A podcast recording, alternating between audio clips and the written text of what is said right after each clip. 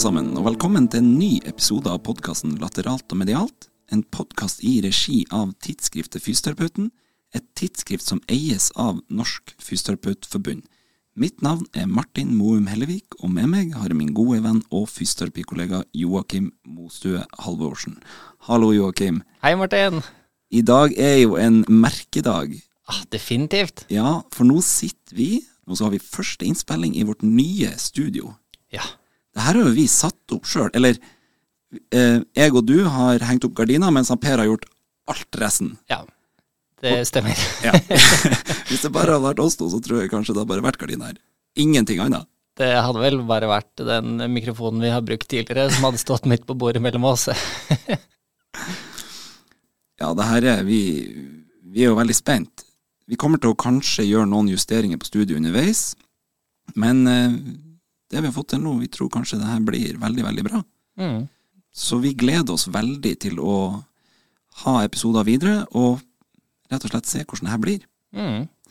Um, I forbindelse med episodene som har blitt sluppet til nå, eh, så har vi tidligere lagt ved ei kort referanseliste, og vi har fått flere spørsmål knytta til de ulike referansene vi beskriver der. Ja, for det som var tanken vår da med disse referanselistene, var jo at vi skulle kunne nevne de studiene, artiklene eller bøkene som spesifikt ble diskutert i episodene. Og vi var litt usikre på hvordan vi skulle gjøre dette. Altså, Skulle vi legge ved alle referansene som dannet researchen for episodene, eller kun de som vi nevnte spesifikt? Ja, på den ene sida så ønsker vi at lytterne kunne gå inn i litteraturen som vi snakka om i episodene, mens på den andre sida så ønsker vi ikke å fremstå som referansefleksere, for da kunne vi kanskje miste de lytterne eller potensielle gjestene som ikke har brukt så mye tid på å sette seg inn i forskning, men kanskje i stedet danna seg verdifulle kliniske observasjoner. Mm.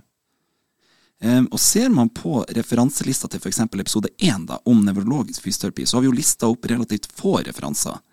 Men researchen som ligger bak den episoden består jo av enormt mange flere referanser enn det vi har lista opp. Og um, ei erfaring vi har gjort oss gjennom å formidle våre faglige synspunkter gjennom det podkastmediumet, er at dersom vi nevner for mange ulike referanser, navn eller personer i episodene, så blir det veldig fort rotete å lytte til. Ja, og, og vi tenker jo også at disse kildene som vi har brukt, kan være en, en ting som kan være fint å utforske videre når vi først får gjester, da. Eh, gjester som kommer og som er uenige eller enige med våre faglige meninger. For vi gjør jo en relativt grundig research, og vi ender nok opp på rundt 30 timer, i hvert fall per episode, eh, hver av oss. Eh, og vi mener jo at dette gir oss et grunnlag til å kunne ta et faglig standpunkt om det vi snakker om. Men det betyr jo selvfølgelig ikke at vi kommer til å ha rett i alt vi sier, Martin. Det gjør det ikke. Så det vi gjør nå videre, er at vi, vi lager en komplett referanseliste for hver episode, og så legger vi den ved som et nedlastbart dokument på nettsidene til eh, tidsskriftet Fysioterapeuten. Så på den måten så kan jo de som er spesielt interessert, få tak i den komplette listen som danner researchen som vi har gjort for hver og en av episodene. Ja, vi, vi det, Joakim. Eh, Og nå som vi har satt opp vårt nye studio her i lokalene til tidsskriftet Fysioterapeuten, så muliggjør jo det vårt store mål med podkasten, nemlig å invitere gjester inn, så vi kan ta de krevende diskusjonene fagfeltet vårt er nødt til å ta. Det her er jo noe, noe jeg og du, Per, redaksjonen i Fysioterapeuten har planlagt over tid nå, og det ser faktisk ut til at vi kommer til å greie det. Eh, Så fremt noen gidder å komme og snakke med oss, selvfølgelig. Ja, og det syns vi hadde vært utrolig spennende. Og vi håper jo virkelig at noen vil ønske å prate med oss etter hvert. Eh, og jeg tenker jo også er det er på sin plass å berømme vår lydtekniker Per igjen for en formidabel innsats med å sette opp dette studiet. Som du nevnte, Martin, så klarte vi å henge opp gardiner, men uten Per så hadde jo ikke dette vært mulig i det hele tatt. Nei, det har du helt rett i. Men uansett, i dag skal vi ta for oss et tema som var et av de aller første temaene jeg og du ble enige om å ha når vi starta planlegginga av hele denne podkasten. Og det vi skal snakke om, det er fenomenet triggerpunkter. Dette er jo et veldig interessant felt som har blitt diskutert masse internasjonalt over flere tiår, men kanskje spesielt mye det siste tiåret. Og dersom man går inn i diskusjonen slik den føres per dags dato, så vil man raskt se hvor steil de ulike frontene faktisk er.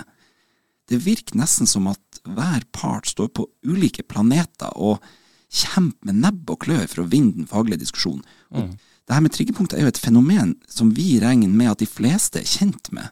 For uansett hvilke områder vi fysioterapeuter jobber innenfor, eller hvordan vi ser vår kliniske verden, våre pasienter eller deres plager, så har nok alle et forhold på, på godt eller ondt da, til triggerpunkter.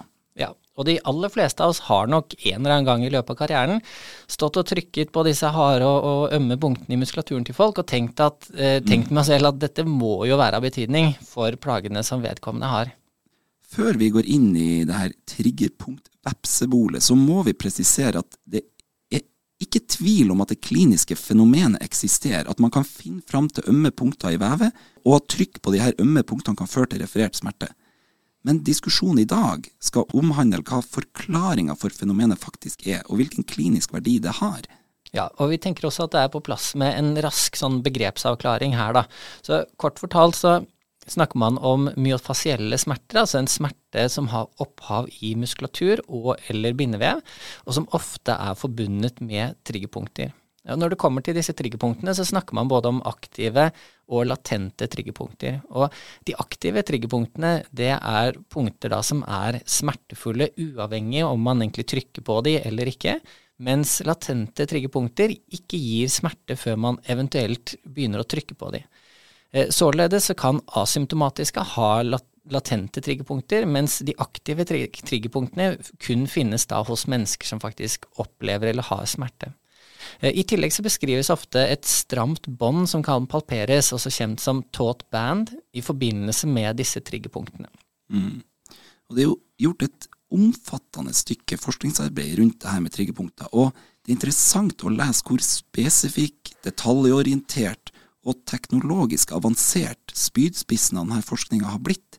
Det må man jo nesten kunne si, da. Ja, for de senere årene så har mye av forskningsaktiviteten foregått rundt ulike metoder for å prøve å måle eller vise at disse triggerpunktene finnes, da.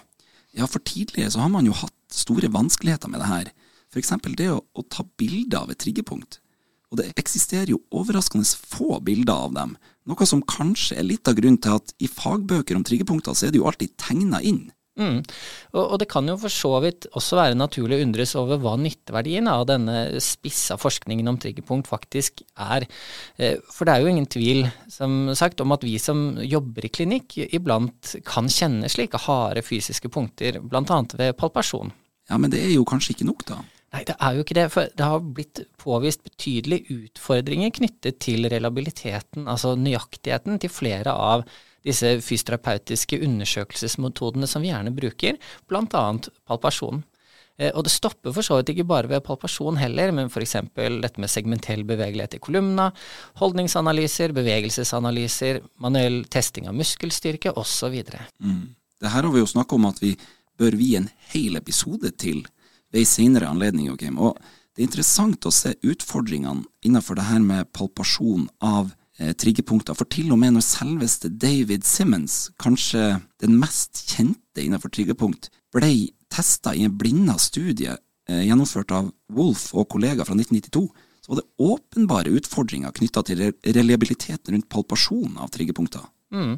Og pga. disse svakhetene så er det jo sånn sett en viktig del av det å drive faget videre, at vi hele tiden forsøker å øke forståelsen om disse fenomenene som observeres eh, og erfares i praksis. Da. Ja, Men tilbake til uh, denne spesifikke og litt spissa forskninga. Eh, blant undersøkelsesmetodene man nå benytter i forskninga for å kartlegge triggerpunkter, så er både myotonometri og ultralydelastografi studert. Ja, og, og, ved myotonometri da, så sendes en kort mekanisk impuls inn mot muskulaturen som testes, noe som gir en veldig kortvarig, eh, kortvarig deformering av muskelen. Dette fører igjen til bitte små oscilleringer i muskulaturen, som så igjen skal plukkes opp av dette, dette apparatet da, for, å, for, å, vurdere i hvilken grad eh, det er spenninger i vevet. Avansert. Ja, veldig avansert. Eh, og ved elastografi så bruker man spesielle undersøkelsesmetoder eh, med ultralyd for å vurdere tettheten i vev. Og de mener således her også at de kan få fremstilt triggerpunkter, sånn, sånn, sånne små hypoekoiske eller mørke kuler, som da også indikerer at det er en større tetthet i akkurat dette vevet. da. Og Flere studier har jo også undersøkt omgivelsene i vevet både i og rundt triggerpunktene. spesielt med tanke på å kartlegge det kjemiske miljøet. Og her har man, både, her har man sett både på nevrotransmittere rundt synapser for motoriske endeplater, og konsentrasjon av generelle inflammasjonsmarkører i vevet. Mm. Og En av de mer kjente studiene på den her ble utført av Shah og kollegene hans i 2005. Eh, og Der fant de at det var eh, både lavere pH-verdi eh, i området rundt disse aktive triggerpunktene, samt også høyere konsentrasjon av ulike inflammatoriske markører. Og Da undersøkte de rundt aktive triggerpunkter i trapesius, og sammenlignet da med hva de fant hos både latente triggerpunkter eller hos de som ikke hadde triggerpunkter i det hele tatt i trapesius. Ja, og når det kommer eh, til å gå spissa til vegg, så kan vi jo si at denne studien virkelig gjorde det for å få tatt de her ulike prøvene eller målene, da. Ja, så definitivt. For her så måtte de for det første spesialutvikle disse nålene for å hente ut disse prøvene fra vevet. Og de brukte da en ekstremt tynn nål for å unngå at den skulle påvirke vevet i så stor grad bare ved selve prøvetakningen. Så denne nålen som de brukte, var litt tykkere enn en vanlig akupunkturnål, Eh, men i tillegg så var den hul. Det er jo vanligvis ikke akupunkturnålene, da. Så, så, ganske sånn eh, fancy utstyr. Eh, og i tillegg så hadde nålen en semipermeabel membran ut på tuppen, og selve prøven i vevet ble da tatt via diffusjon av stoffer gjennom denne membranen. Det er avansert, altså. Og per deltaker så samlet de da inn en prøve fra vevet på 0,5 mikroliter. Og jeg tror ikke helt vi klarer å skjønne hvor lite dette her er, Martin. Men hvis du kjøper deg en halvliter på byen, og så tenker du at du skal være litt sjenerøs, og så deler du den med én million mennesker, da får hver og en 0,5 mikroliter. Det, ikke, det, er ikke mye igjen der. Veldig lite igjen. Det blir ikke så mange sånne kullsyrebobler på, på hver av det volumet som er igjen i den halvliteren der. Nei, dessverre. Det er jo helt sånn utrolig at man klarer å, å i det hele tatt skjønne at man har samla inn denne prøven på 0,5 mikroliter. Um, og nå skal man sies at det var flere metodiske utfordringer ved denne studien. Blant annet så var det kun ni deltakere, som de da hadde fordelt på tre grupper. og Da var det tre deltakere som hadde aktive triggerpunkter, tre som hadde latente triggerpunkter, og tre som var eh, normale eller da ikke hadde triggerpunkter i trapesius. Eh, og det var heller ikke noe blinding i denne studien. Så i hvilken grad man kan generalisere noe ut av Resultatene fra kun ni deltakere kan jo for så vidt diskuteres, da. Men allikevel så brukes jo denne studien som bakgrunn for eh, noen av de teoriene for eh, hvordan og hvorfor disse triggerpunktene oppstår. Ja, for en studie med ni antall, eller ni mennesker, det er jo ikke mye. Og, og dersom dere lyttere går tilbake til episode to, som heter replikasjonskrise, altså, så vil dere få et innblikk i hvordan svake metodiske design kan skape enorme utfordringer når man skal tolke funn. Mm. Og Interessant nok så publiserte Shah og kollegaer en oppfølgingsstudie til denne som jeg nevnte nå, som kom da i 2008. Og med tanke på at de anga et lavt antall deltakere som en av begrensningene i den første originale studien, så ble jeg litt overrasket over at de på nytt valgte å kun ha med ni deltakere. De gjorde det om igjen? Ja, akkurat samme type studiedesign, men, men eh, i tillegg til at de undersøkte kjemiske miljøet rundt triggerpunktet i trapesis igjen, så undersøkte de også hvordan dette her var eh, altså det kjemiske miljøet var i et punkt langt unna selve triggerpunktet. Og da valgte de å undersøke i gastroknemius hos disse deltakerne. Eh, og igjen så så de lavere pH-verdi og et høyere eh, innhold av disse inflammasjonsmarkørene i trapesius hos de tre deltakerne med aktive triggerpunkter. Men de så jo faktisk også endrede nivåer i gastroknemius hos de samme deltakerne, selv om de absolutt verken hadde aktive eller latente triggerpunkter i denne muskelen. Så er det egentlig sånn at dette lille triggerpunktet i trapesius medfører en sånn systemisk endret eh, nivå av både pH og disse inflammasjonsmarkørene? Eller kan det være sånn at det å leve med vedvarende smerter eh, kan medføre disse endringene i seg selv? Og et annet spørsmål er jo hvorfor oppstår det ikke aktive triggerpunkter i gastroknemius, hvis eh, dette med endret kjemisk miljø lokalt i vevet er det som egentlig bidrar til dannelse og opprettholdelse av triggerpunkter, sånn som gjeldende teorien på området faktisk sier nå, da. Men hos folk som ikke har smerte, finner man de her inflammasjonsmarkørene i Er det verdier av dem i de vanlige vev, da, altså muskelvev? Ja, altså De så jo hos de som hadde både latente og ja. uh, var normale, i hvert fall med denne undersøkelsesmetoden de hadde her, så fant de jo mindre hos dem i gastroknemius, så det var forhøyet hos de aktive. Ja. Men, men allikevel interessant å vite Uh, i hvilken grad, eller hva er det som påvirker her, da? Det at du har disse inflammasjonsmarkørene også eh, systemisk i kroppen, er det kanskje det som bidrar til plagene mer enn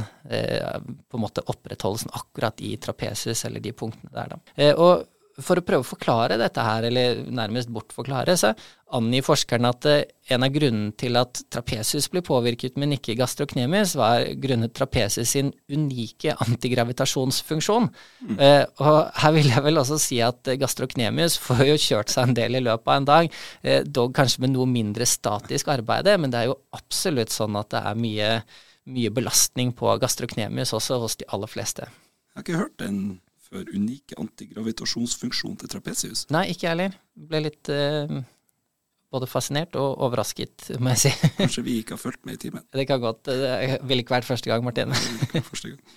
det virker i hvert fall som at um, de fleste studiene falt til kort med forklaringa på hvorfor de her endringene skulle oppstå i første omgang, og om de i det hele tatt kommer før triggerpunktet, eller om det faktisk kan oppstå lokale forandringer i vevet som følge av vedvarende smerte og eller kontraksjon i muskelfibra som utgjør triggerpunktet. Mm. Det blir litt sånn høna eller egget. Hva, hva, er det som egentlig kommer først, da? Ja, og, og, i et forskningsmessig perspektiv så er jo det her helt avgjørende.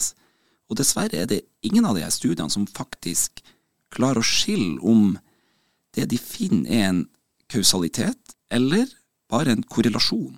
Nei, og distinksjonen mellom disse to begrepene tenker jeg er helt sentral å vite noe om når det kommer til det å lese og fortolke forskning. For kausalitet er altså en årsakssammenheng og sier noe om hvordan en variabel påvirker en annen, og f.eks. hvordan styrketrening påvirker en persons muskelstyrke. Ja, det er altså en årsakssammenheng der en endring av variabelen styrketrening vil direkte påvirke variabelen muskelstyrke. Ja, ikke sant? Så Øker du styrketreningen, så vil også muskelstyrken følge med. Reduserer du grad av styrketrening, så vil også muskelstyrken avta eller ikke øke i samme grad. Eh, mens en korrelasjon derimot forutsetter, eh, forutsetter, ikke at den ene variabelen direkte påvirker den andre, men det er allikevel en, en, relasjon mellom variablene som man undersøker. Ja, Det er også viktig å bemerke at dersom man leter lenge nok, så kan man finne korrelasjoner mellom ting som på ingen måte har noe med hverandre å gjøre.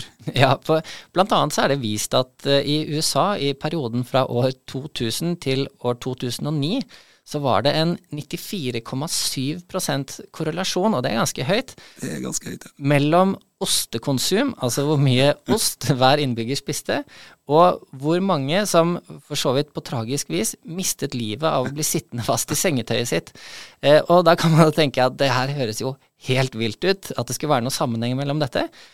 Og det er det jo selvfølgelig også, eh, men det er noe som kalles en spurious eller uekte korrelasjon. Ja, og nå, eh, nå er det jo ikke sånn Joakim, at vi påstår at de her lokale kjemiske forandringene som er påvist rundt ringepunkt, er et uttrykk for en slik spurious korrelasjon. Nei. Men vi kan allikevel ikke vite om det foreligger en kausalitet mellom de her observasjonene. Absolutt ikke. Og om det faktisk skulle foreligge en kausalitet, så vet vi jo heller ikke hvilken vei den går ut fra disse studiene. Altså er det de lokale kjemiske forandringene som påvirker muskulaturen til å danne triggerpunktet, eller er det smerter eller muskelspenningen i selve triggerpunktet som forårsaker de lokale kjemiske forandringene. Mm. Eh, og Det er igjen viktig å påpeke at de mest siterte studiene som omhandler disse kjemiske forandringene omkring triggerpunktene, har betydelige eh, metodiske svakheter i form av at det da er få studie, studiedeltakere. Det, det er ingen blinding av de som undersøker, og eh, det er stort sett gjort på da relativt friske og unge folk. Ja, og de, og de her eh, studiene her, de siteres jo nesten gjennomgående mm. eh, i litteraturen. Altså. Mm, for det er jo de som er blitt gjort på dette området. Så det er på en måte det, det, man kan sitere til, men, men, det er en utfordring med metodiske kvalitetene av disse studiene. Da. Ja. Så, så de her relativt spesifikke high-tech-studiene om triggerpunkt hjelper oss kanskje med å forstå at det skjer noen lokale forandringer i vevet på et eller annet tidspunkt. Men vi, har, eh, vi blir altså ikke noe klokere på hva i all verden et triggerpunkt faktisk er, og hvilket forhold det har eventuelt med smerter. Nei, for vi vet jo fortsatt ikke hvorfor de oppstår. Eh, og innenfor vitenskapelig metode så skjer det jo typisk mye sånn basalforskning rundt eh, teoretiske grunnlaget og generell forståelse innenfor ulike felt. Og dette tjener så som på en måte fundamentet for videre forskning på området. Så Deretter så blir studiene gjerne mer og mer spesifikke. og eh, Ofte skal man se for seg en pyramide da, der basalforskningen utgjør grunnmuren, og så er det de få mer spesifikke studiene som utgjør på en måte spissen av denne pyramiden. Og når det kommer til litteraturen rundt triggerpunkter, så oppleves det nærmest som de liksom har snudd pyramiden her på hodet. At det er relativt mye forskning på sånne spesifikke elementer av et fenomen som vi faktisk fundamentalt ikke forstår så godt. Ja, det er interessant, altså. Man vet ikke så mye om det, men allikevel så har man enormt mange studier som ser på helt spesifikke detaljer ved det fenomenet. Mm. Og mye som går på behandlingseffekt også. Det er jo viktige studier, ja. Men, men det at, eh, at, på en måte grunnpilaren i, i forskningen på feltet eh, er på en måte såpass, eh, såpass tynn, hvis man kan si det. da. Ja, og Siden vi ikke fant noen gode svar på de her fundamentale spørsmålene i de nyere studiene som publiseres, så bestemte jo jeg og du oss for å som vi nesten alltid ender opp med å gjøre i disse episodene, å dykke ned i historien til temaet.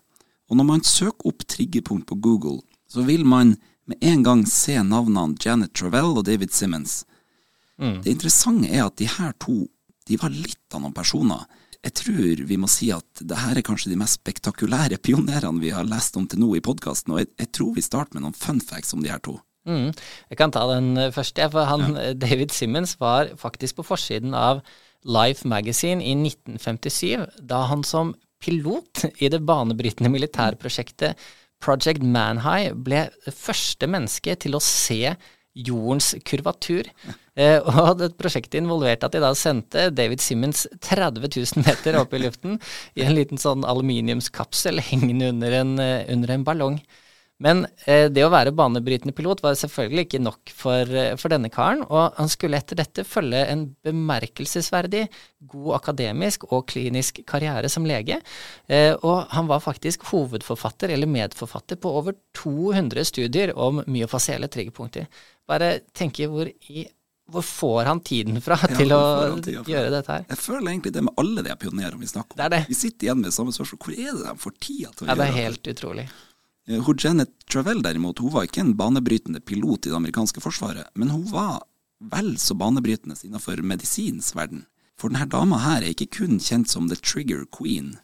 Eh, hun var John F. Kennedy sin personlige lege under hans presidentskap. Han var jo for øvrig svært plaga av korsryggsmerter. Mm. Hun bidro med forskning som har gjort at spraystrålen på sånn kuldesprayflaske går i en konsentrert og samla stråle mot punktet man sikter på. Hun har en tung akademisk karriere innenfor farmakologi og har publisert en case-studie om sin egen fars hjerteproblemer. Og hun er en forkjemper for gyngestolens evne til å redusere korsryggsmerter. Og da er det bare å søke på John F. Kennedy og rocking chair på Google, så kan dere lese hvorfor. I tillegg så bidro hun med studier som på mange måter la et grunnlag for det man i dag kjenner som dry needling, altså behandlingsmetoden dry needling. Relativt omfattende, altså. Ja, det er jo helt vilt. Ehm, noe som er veldig interessant, er at eh, i introduksjonen til tredje og siste utgave av boka The Trigger Point Manual, som kom ut i 2018, så tar de nye forfatterne av boka et tydelig steg vekk fra de erfaringsbaserte og anekdotiske beskrivelsene av triggerpunktfenomenet som da preger Janet Travell sine beskrivelser. Og I stedet så vil de lene seg mer mot David Simmons sin mer vitenskapelige tilnærming, samt den mer moderne forståelsen av triggerpunkter. Man vil også legge merke til at Simmons er den som siteres merkbart oftere enn Travell i nyere forskning. Mm. Og det er interessant med tanke på at det er ikke noe tvil om hvem som var læremesteren i denne duoen. Det var Janet Travell. For allerede rundt midten av 1930-tallet så starta Janet Travell sin reise inn i triggerpunktens verden. Og da var David Simmons kun en tenåring. Eh, men en av de største inspirasjonene til Janet Travell kom faktisk fra en studie hun leste skrevet av en mann ved navn J.H. Kelgren. Og vi må si her at vi er litt usikre på om det her er Kelgren bestefaren til Syriax eller ikke. Vi har hatt litt vanskeligheter med å prøve å finne ut av det. Vi snakka jo litt om Syriax i den episoden som handla om Episode nummer tre. Ja, ja. om uh, Kaltenborn. Mm. Og vi lurer på om det her er bestefaren hans. Vi har litt ut, har utfordring med å finne ut av det, da. Ja, det er noen av disse historiske dokumentene som er litt vriene å få tak i, dessverre. Mm. Men det kan være. Samme etternavn, samme initialer som bestefaren til James Siriax. Ja, denne Kelgren hadde utforska referansemønstre fra muskler gjennom palpasjon av smertefulle punkter, og deretter behandla pasientens smerter gjennom å injisere lokale bedøvelse i de her punktene. Og i sine egne tidlige kliniske observasjoner av pasienter, så hadde Janet Travell lagt merke til at hun også kunne palpere slike trigger areas, som de var kjent som på den tida, og hun kunne dermed provosere fram referert smerte. Og når hun sammenligna sine funn med Kelgren sine funn, så fikk hun et lite sånn eureka-øyeblikk, da hun eh, la merke til at flere av de mønstrene hun hadde registrert, var like som Kelgren sine. Mm. Og i hennes selvbiografi så skriver hun følgende, for hun hadde jo selvfølgelig også skrevet selvbiografi, det må vi huske på. I took my cue from J.H. Kelgren. Og etter det her så starta hun et systematisk arbeid med å kartlegge ulike referansemønstre fra ulike punkter i muskelvev. Et arbeid som skulle følge henne så å si gjennom resten av hennes liv. Mm, og Du nevnte jo dette at hennes eh, funn innen injeksjoner er et solid bidrag til det vi i dag betegner som dry needling. og eh, i selvbiografien hennes så beskriver hun litt hvordan de gjennomførte disse kontrollerte forsøkene der hun og kollegaer enten injiserte lokalbedøvelse, saltvann eller bare stakk nålen inn i triggerpunktet hos pasienter. Eh, og, og, da til å begynne med så så de på pasienter som hadde enten forstua ankler eller akutte kneskader. Og det viste seg at alle tre behandlingsmetodene hadde lik effekt. Pasientene fikk mindre smerter, de ble bedre, og Travell beskrev så at det eneste som var likt gjennom alle de tre eh, behandlingsmetodene eller forsøkene, var det at sprøytespissen gikk gjennom huden og traff så et triggerpunkt. Da. Så konklusjonen her ble derfor at behandlingseffekten kom av mer mekaniske stimuleringen av selve punktet, eh, mer enn disse legemidlene eller saltoene som ble injisert. Eh, og på denne tiden så var jo for så vidt ikke placeboeffekten et velkjent fenomen, og jeg tenker jo det er viktig her at man kan argumentere for at disse observasjonene burde jo også vært sett i lys av hvordan placeboeffekten kan spille inn eh, når det kommer til dette med effektstørrelse og effekt av behandlinger, da. Ja, og um, hvis man søker opp hennes selvbiografi, jeg tror den heter Office Hours Day and Night, så får du faktisk får man tilgang til den gratis på nettet. Um, I et sånn offentlig arkiv, bibliotek, rett og slett. Mm. Og hvis man leser de kapitlene som, der hun beskriver eh, sin tilnærming til muskel-skjelettplager, så er det interessant å se hvor mekanistisk hennes tilnærming er, og hvor lite placebo dras inn i ligningen her, da. Mm. Eh, og det anbefaler folk å gjøre, for det er en veldig interessant et veldig interessant bilde på hvordan man tenkte før. Mm. Det er litt sånn som vi snakket om i episoden, om disse pionerene, også hvordan vi på en måte Privilegiet vårt å kunne sitte her nå med den kunnskapen som finnes i dag, og se tilbake på, på, på en måte disse teoriene og hvordan ting ble utviklet. da. Mm. Men med bakgrunn i at jeg innleda denne historiedelen med at forfatterne av tredje og siste utgave av The Trigger Point Manual ønska å tre vekk fra Janet Travell sine beskrivelser, så prøvde jeg og du, Joakim, å, å finne ut hva hennes egen forklaring på hva de her triggerpunktene egentlig var. Og på 1950-tallet så sier hun følgende The myofascial trigger area was clearly a link in a self-sustaining cycle of no noxious nerve impulses between the central nervous system and the, and the peripheral structures. We did eventually show that the trigger area is a high frequency, electrically discharging focus. Så til tross for at eh, det var for det her var for nesten 70 år siden, eller kanskje over 70 år siden, så virket det ikke så fjernt fra hva dagens, hva dagens forståelse av triggerpunkt egentlig er. Nei, i hvert fall ikke fra hvordan vi forstår hva dagens forståelse for triggerpunkter er, kan man jo si. Um, og i 2004 så kom også en utvidelse av teoriene rundt triggerpunkter. og Den ble publisert av Gervin og kollegaer. Eh, og her så presenterte de også en teoretisk modell som, som, de mente skulle kunne gi en forklaring på hvordan dette stramme båndet, eller the taut band, kan oppstå og opprettholdes i muskulatur. Altså hva, hva, kommer kontraksjonen av, hva er det som gjør at den blir vedvarende? Eh, og de mente at den utløsende årsak var en kombinasjon av mikrotraume i muskulaturen, eh, noen ganger ved eksentrisk behandling, noen ganger ved for stor konsentrisk eh, aktivitet. Så, så, det var på en måte mange mulige faktorer som utløste dette her, men at det i hvert fall da var mikrotraumer i muskulaturen. Eh, og ofte samtidig med at det oppsto redusert sirkulasjon grunnet en konstriksjon av kapillærer, ofte da som følge av aktivering i det sympatiske nervesystemet. Og dette var videre tenkt å føre til et surt miljø, altså redusert pH i vevet, som igjen de mener da kan inhibere eh, det enzymet som bryter ned nevrotransmittoren acetylkolin. Eh, og acetylkolin fungerer jo som en nevrotransmittor i synapsene i de motoriske endeplatene, eh, og en mangel på nedbrytning av dette stoffet vil således da kunne føre til økt aktivitet i motoriske endeplater. Eh, og økt aktivitet der tenker man jo da gir en kontraksjon av muskelfibrene som eh, innerveres eller aktiveres av denne motoriske endeplaten her, da. Mm. Og I tillegg så er det foreslått at utskillelse av proinflammatoriske stoffer også fører til økt aktivitet i disse motoriske endeplatene, noe som igjen kan forsterke fenomenet, da. Så resultatet av dette, ifølge Gervin og kollegaer, er at da både smerte og vedvarende kontra eh, kontraksjon i muskelfibrene, som de da mener er karakteristisk for myofascielle triggerpunkter. Mm. Så en ganske kompleks modell her igjen, altså basert på eh, observert korrelasjoner i studier igjen med relativt få deltakere. Ja, jeg syns jo at hvis man For den eh, teoretiske modellen du beskriver her, er jo veldig Eh, detaljrik og spesifikk. Men hvis man ser den i lys med hva Janet Travell sa, så er det slett ikke så mange ulikheter der. Hun snakker jo også om en sånn her ond sirkel som da driver og opprettholder denne tilstanden. Mm. Det er ganske interessant. Man er blitt veldig detaljspesifikk, men man har kanskje ikke kommet så mye nærmere svaret. Nei, det virker litt sånn. Ja, For selv om at det her teoretiske fundamentet for triggerpunktet har blitt modifisert noe gjennom tida, så er det jo fortsatt sånn at det her er jo bare teorier. Og det her er jo noe man ikke har klart å bekrefte gjennom testing av ulike hypoteser. Det her har det blitt retta en del kritikk mot. Spesielt har denne kritikken kommet fra ei forskergruppe ledet av John Quintner. Første artikkel fra denne gruppa kom allerede i 1994. Men den mest kjente kritiske artikkelen kom i 2014. Da gikk Quintner og kollegaene hans relativt hardt ut og nærmest meldte at hele teorien om triggerpunkter som årsak til smerter egentlig er helt død. Mm. I ettertida fulgte det jo også en serie med tilsvar fra begge sidene, og man kan jo si at undertonene i diskusjonen eh, ble litt amper.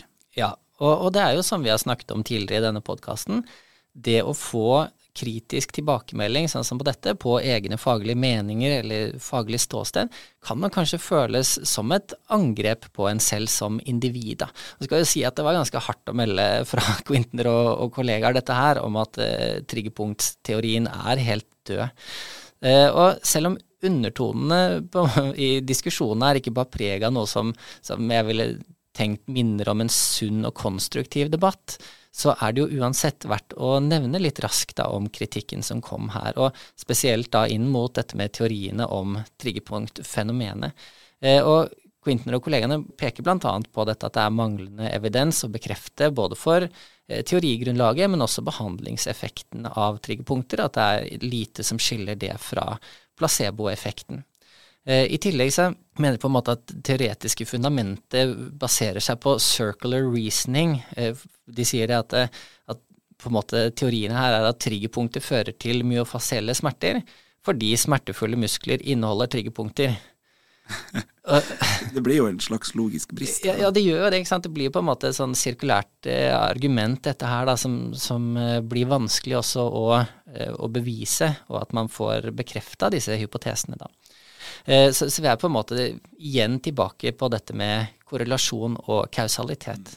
Eh, og de trekker også frem at noe grunnleggende for vitenskapelig metode, så bruker man jo ofte en hypotese for å teste validiteten av en teori. Og hvis man eh, bekrefter hypotesen, så, så aksepteres da teorien midlertidig. Men hvis resultatene derimot ikke bekrefter hypotesen, så må jo man etter hvert begynne å modifisere teorien. Ja. Men, men, en utfordring oppstår jo her når hypotesen igjen og igjen ikke blir bekreftet, eller de hypotesene som man bruker eh, blir ikke bekreftet.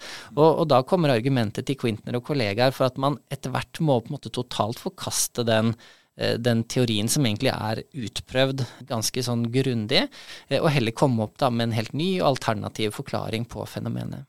Ja, her tenker jeg at noe av de steile frontene kan oppstå da.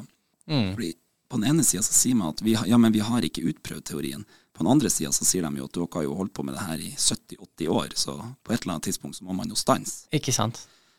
Quintner og gutta prøver å komme opp med sin egen forklaring da på det her, og, og um, de mener at smerteopplevelsen som rapporteres ved myofasielle smerter fra triggerpunkter, er lik den smerten som rapporteres fra perifere nervestrukturer, eh, og spesielt da nervi nervorum altså nervens nosiseptive innervering av seg sjøl, eller mer spesifikt hinna rundt nervefibrene. Mm.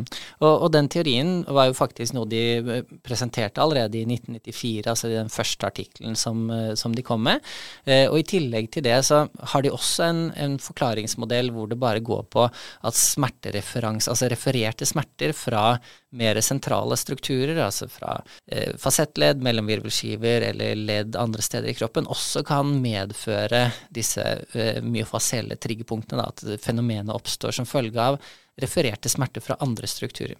Nå skal det jo sies at begge disse teoriene kun er på teoriplanet enn så lenge, og det er heller ikke gjort noen definitive studier som kan bekrefte disse hypotesene. Nei, og det, det, er viktig å minne at uh, de her triggerpunktforkjemperne erkjenner jo selv at det er varierende grad av enighet i miljøet om helt grunnleggende spørsmål, og i 2018 så ble det derfor publisert en konsensusstudie hvor 60 triggerpunkteksperter fra tolv ulike land ble invitert til å delta i flere runder av, med spørreundersøkelser.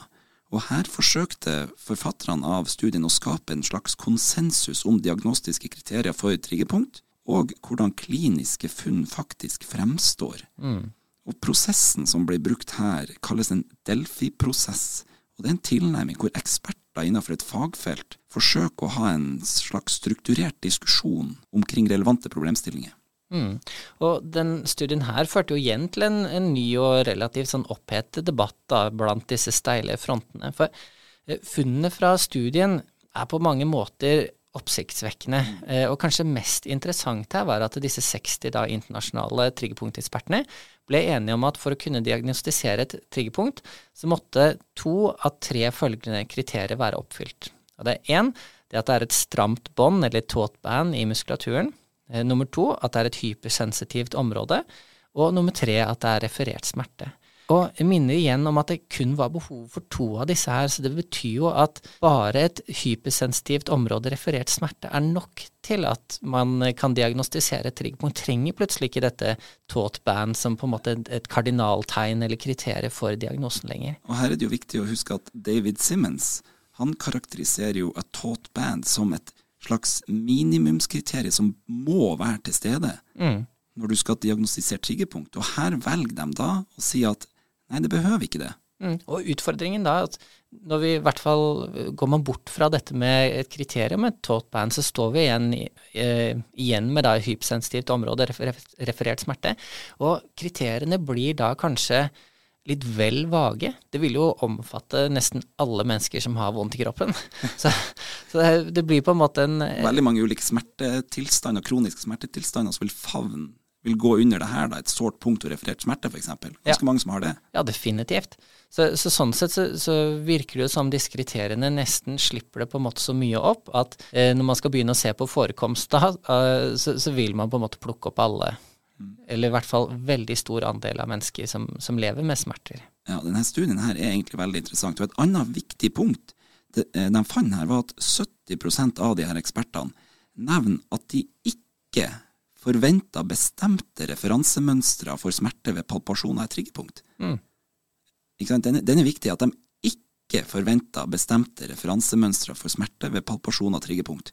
Og i tillegg så svarte 86% av ekspertene at triggerpunkt ikke nødvendigvis var på de områdene hvor man eh, På bilder som har sett slike x-er.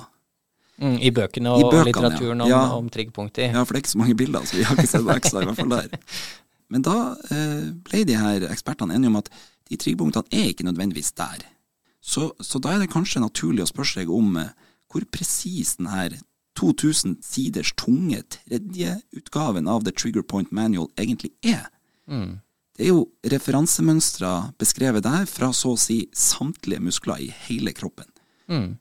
Vi skal gå bort ifra at det ikke stemmer allikevel, alle disse x-ene, så, så, er det jo en um, utfordring, da. Kanskje ja, vi, ikke en grunn til å kjøpe boka. Nei, og Vi må jo minne om at denne konsensusstudien kom før den tredje og siste utgaven. Ja, ikke sant. Uansett, i etterkant av denne studien så har kritikk og påfølgende forsvarstaler hagla, og det ser ikke ut til at uh, de her steile frontene er blitt mindre hissige. I uh, et forsøk på å synliggjøre hvordan denne kritikken faktisk ser ut, så ønsker jeg å sitere Adam Meekins og hans kollega i deres kritikk mot denne konsensusstudien.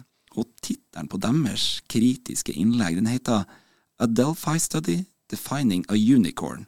Så her bør det jo allerede Det lover godt. Uh, ja, det lover godt. her kommer sitatet. Forming an agreement on diagnostic criteria based on the assumption that the trigger point is a diagnosable entity is inappropriate and premature. First, it must be demonstrated that such an entity actually exists. The mythical unicorn comes to mind here. One can describe a unicorn in great detail, But that alone does not mean it exists in the real world. Rimelig knallhardt der, da. Det er jo det. Men jeg tenker det er jo et veldig viktig og interessant poeng. For bare fordi vi kan sette oss ned og, og snakke om noe og definere noe, så betyr det jo ikke at det nødvendigvis finnes. En annen utfordring er jo eh, i hvilken grad det her triggerpunktproblemstillinga forekom i befolkninga. Altså hvor mange som til enhver tid er plaga med de triggerpunktene? Ja, og for her støtter vi bort på en del litt sånn ulne referanser, det må jeg si. Altså. Og, og, det har vært overraskende vanskelig å finne de referansene her. Veldig. Eh, men i en av, um, en av, de systematiske oversiktsartiklene som jeg lest som for så vidt uh, omhandlet behandlingseffekt, Eh, så angir de da i introduksjondelen at, eh, at triggerpunkter er den primære årsaken til smerter hos mellom 30 til 85% av personene med plager i muskel-skjelettapparatet. Først et ganske stort sprik, da. 30 til 85 det er relativt stort sprik. Og for å støtte opp under dette her, så viser de til tre referanser. Jeg tenkte bare å gå gjennom de. Og den første, da er det Yasumoto og kollegaer fra 2000. Og denne studien eh, omhandler faktisk noe helt annet enn triggerpunkter. Eh, og jeg er faktisk litt usikker på om jeg klarer å forklare dette, for, det var veldig teknisk og eh, knotete greier. Men forfatterne i denne studien, slik jeg forstår det, har bombardert vevsprøver fra fisk med atomer, og utført noe som kalles spektroskopi, altså det er hvordan lys absorberes og avgis i et medium for å kartlegge da strukturen på et toksin som finnes i denne fisken, og som de er interessert i å finne ut mer om. Eh, og dette er på ingen måte noe kritikk mot studien som Yasumoto kollegaer, for den, den, den, skjønner vi ikke, og vi har absolutt ingen forutsetninger til å, å, komme med kritikk på den. Men det at det brukes som referanse for forekomsten av triggerpunkter, det må jo være tidenes største endnote-tabbe. Altså hvordan de har klart å få med den der. Og, og, det er i tillegg litt skremmende at noe sånn her faktisk kan gå gjennom en ja, ja, ja. fagfellevurdering uten at det blir plukket opp, da. Det er jo også noe vi snakka litt om i denne episoden om replikasjonskrisa, hvordan det her kan skje. Ja, ja, ja. Fascinerende. Eh, og de to øvrige artiklene som, som, brukes som referanse, er igjen systematiske oversiktsartikler som absolutt ikke har undersøkt dette med forekomst av triggerpunkter, men som igjen bare nevner dette i introduksjonsdelen sin, med nye påfølgende og litt tvilsomme referanser for å støtte opp om dette her, da. Så de her 30-85% som du innleda her med, man, man, det er ingen referanser Eller i de så fant vi ikke noen referanser. Nei, vi, vi, kommer på en måte vi, vi har prøvd oss, som du nevnte, så det å finne primærkildene på dette her er vanskelig. Vi, det blir liksom en sånn evig sånn referanserunddans som vi bare følger og følger og følger. Og for å si det sånn, for å finne den ene primærreferansen, så måtte vi betale 500 kroner. Ja, det har vi ikke råd til. Men vi kunne se referansene som den hadde brukt. Ja, og når vi gikk inn i de referansene, så var det heller ikke noe der som på en måte tydelig støttet opp om, eh, om konklusjonen. Nei, og den, den, referansen var heller ikke en prevalensstudie, den vi fant. Nei, for, for, det er jo det, ikke sant. Vi har så å si ikke klart å finne noen gode tverrsnittstudier, eh, som er foretrukket studiedesign for å vurdere forekomst eller prevalens. Eh, og Eh, så, så, ingen som, så, tverrsnittstudier som utforsker dette her. Eh, det finnes en del kohortstudier, men som regel så har disse et svært lavt antall deltaker, eller at de har andre metodiske svakheter. Og det er altså svært sprikende tall mellom de forskjellige studiene, og også avhengig av populasjonen som, som undersøkes. Men jevnt over så ser det ut til at man finner i hvert fall flere aktive triggerpunkter hos mennesker med smerter mens forekomsten av latente triggerpunkter ser ut til å være relativt lik mellom symptomatiske og asymptomatiske individer. Så hvis vi skal ta en sånn enkel oppsummering i forhold til det, da, så er det vage kriterier, og det er stor usikkerhet rundt tallene for forekomst. Ja, definitivt. Og her har jeg en liten sånn personlig observasjon, for i disse kohortstudiene som vi har lest, så, så, finner de jo ofte en korrelasjon mellom forekomst av triggerpunkter i en, en rekke ulike pasientpopulasjoner, altså smerte. Eh, og en del av dette er ved uspesifikke plager, f.eks. i nakke, skulder, rygg og også patellofemorale smerter, altså tilstander som man ikke alltid klarer å finne en sånn konkret årsak til plagene. Men det rapporteres også om veldig høy forekomst av aktive triggerpunkter ved veldig spesifikke tilstander eller diagnoser, sånn som bl.a. frossen skulder, karpaltunnelsyndrom og kneleddsartrose, bare for å nevne noen. Og det er her min personlige observasjon eller refleksjon kommer inn. Da. For la oss si at vi tenker oss at det ikke bare er en korrelasjon, men faktisk også en kausalitet mellom disse fenomenene, altså mellom triggerpunkter og smerter. Istedenfor da å tenke at triggerpunkter kan gi opphav til en hel horde av både uspesifikke og spesifikke diagnoser, og smertene som er forbundet med disse, er det ikke da mer nærliggende å tro at vedvarende smerte over tid, som jo faktisk er eneste fellesnevner ved alle disse tilstandene, eh, kan føre til det fenomenet som vi nå kjenner som triggerpunkter? Altså at det er en motsatt kausalitet enn den som vanligvis blir proklamert av disse tilhengerne av triggerpunktbehandling, og at triggerpunktene dermed eh, kan anses som sekundære, men ikke primære drivere til smerte. Det er interessant.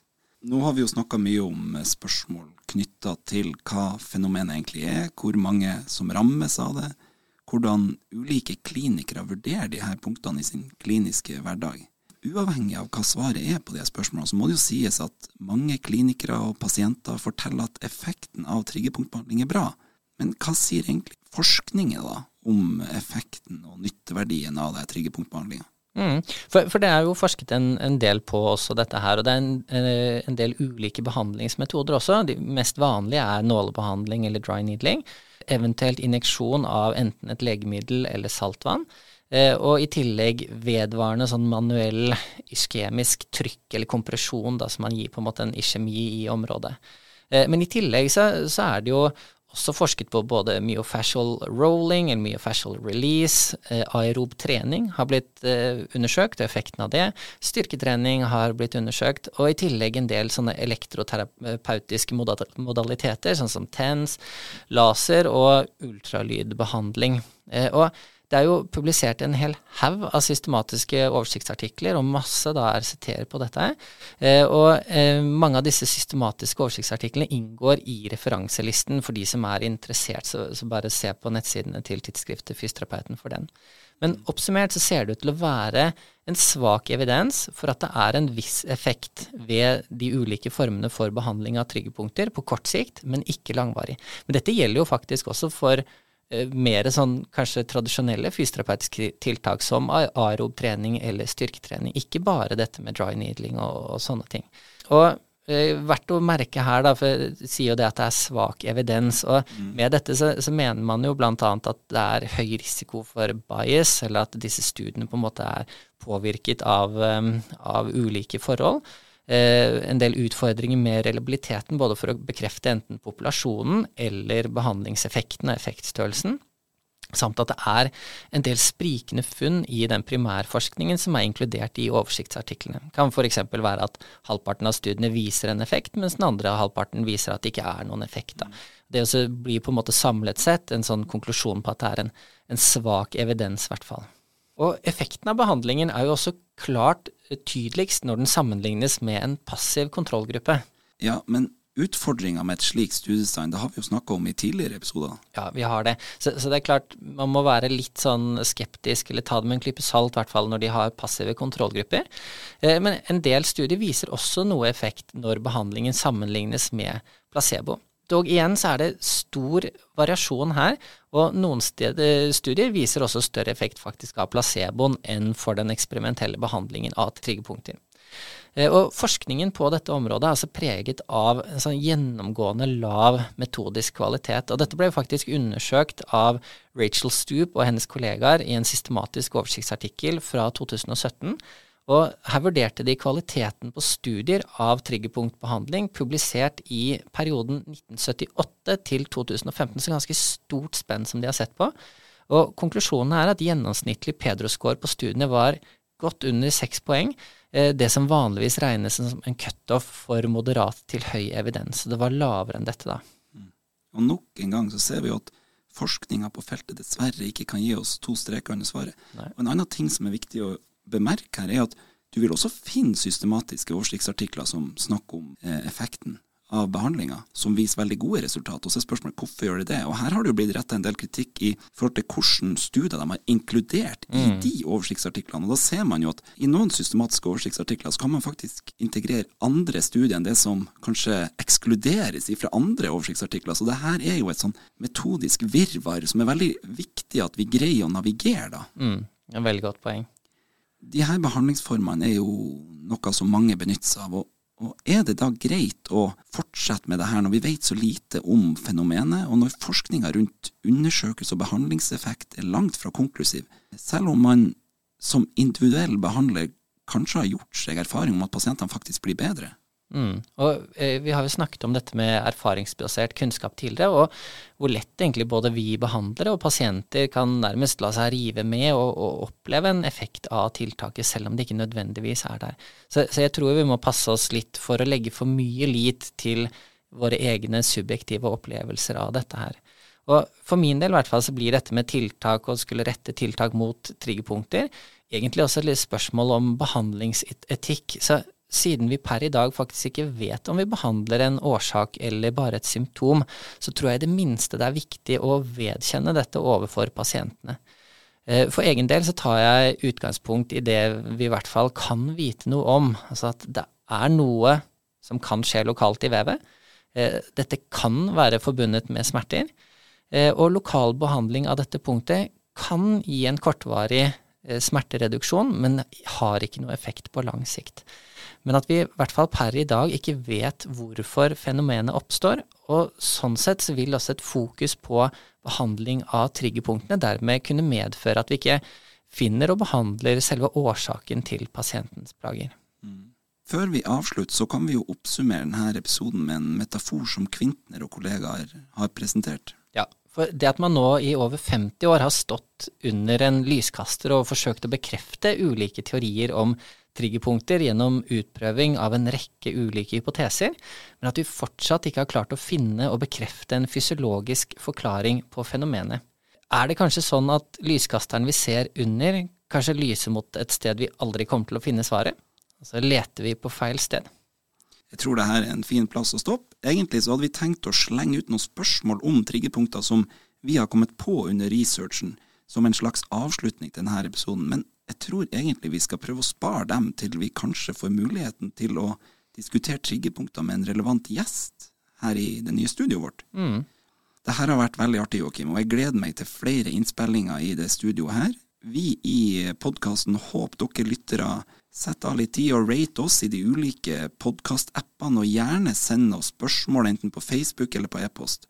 Og dersom noen ønsker å gi skriftlige tilsvar til det vi presenterer eller har presentert tidligere, så oppfordrer vi sterkt til det.